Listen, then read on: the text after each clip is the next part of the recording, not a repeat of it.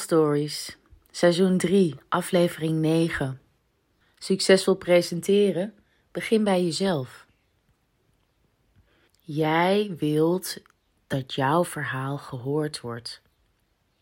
Jij wilt dat mensen jouw ideeën overnemen. Jij wil op social media gezien worden. Jij wil in een vergadering dat mensen ook jouw ideeën in ieder geval opnemen.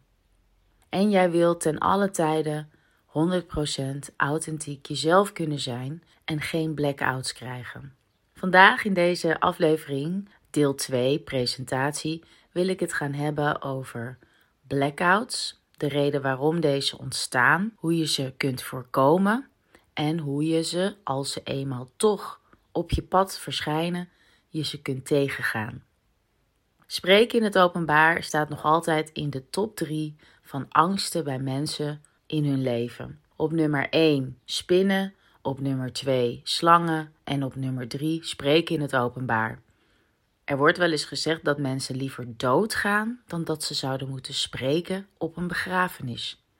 Ik kan me heel goed voorstellen dat jij ook angsten hebt als het gaat om openbaar spreken.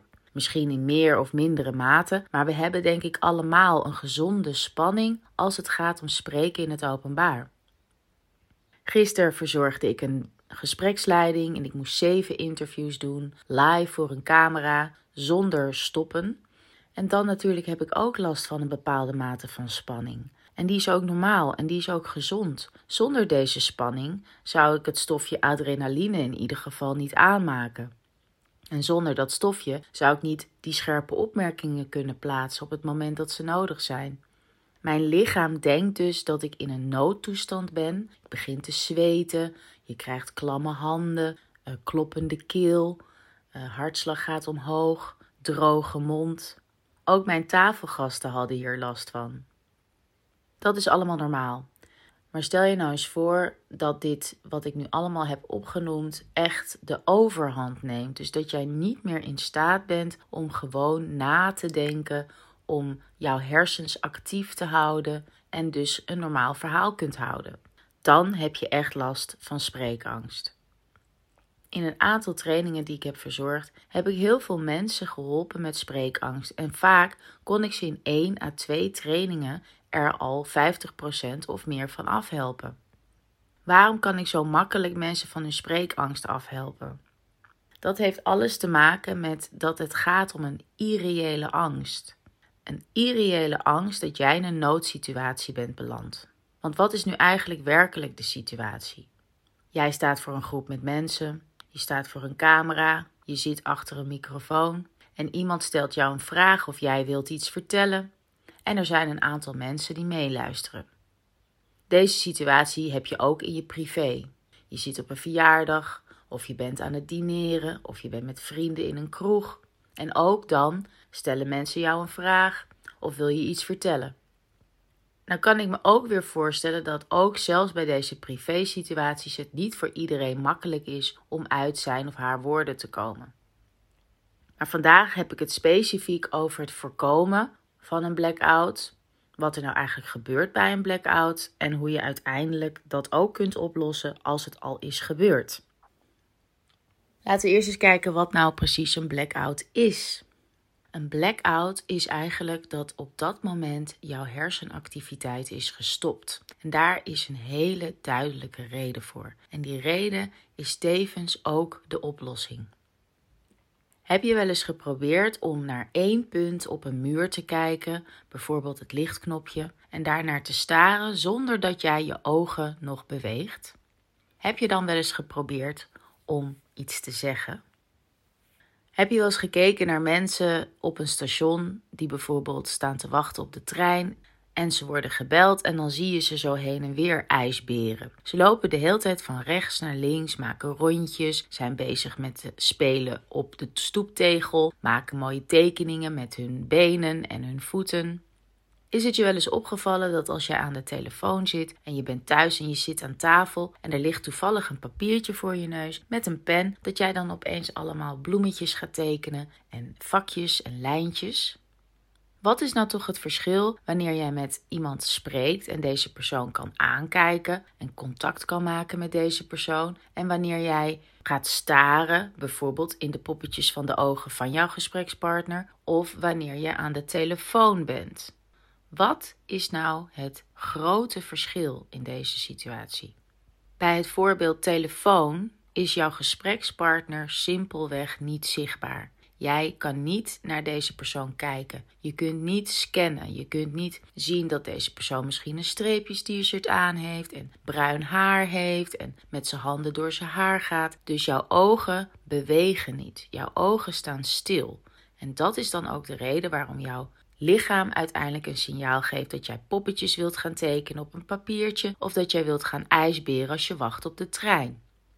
Wanneer jij in gesprek bent met iemand of met een groep met mensen, is het dus heel belangrijk dat jij alles observeert wat jij kunt observeren. Zonder dat je daarbij natuurlijk een beetje raar eruit ziet. Maar dat jij dus ziet dat er gordijnen hangen, dat jij aan een tafel staat, dat er allemaal mensen zijn. De een heeft een streepjes t-shirt, de ander zit met zijn pen te tikken. En dat waarnemen, dat observeren, dat doe je met je ogen. En doordat je ogen in beweging zijn, zijn jouw hersenen actief. En dat is dan de reden waarom jij geen blackout zal krijgen. Beweging zorgt dus voor hersenactiviteit. Geeft het je niet een enorm gevoel van opluchting dat jij eigenlijk altijd, ten alle tijden, de regie hebt over jouw spreken in het openbaar, als jij maar iets van beweging zou inzetten? Dit is dus eigenlijk het voorkomen van een blackout. En dit is ook tevens de oplossing wanneer het je toch is overkomen, dat jij dan heel snel voor jezelf nagaat: wat is nu de reden dat ik deze blackout heb en wat kan ik dan nu doen om er weer uit te komen? En dan is mijn advies: maak even een loopje, draai even een rondje. Kijk even iemand expliciet aan.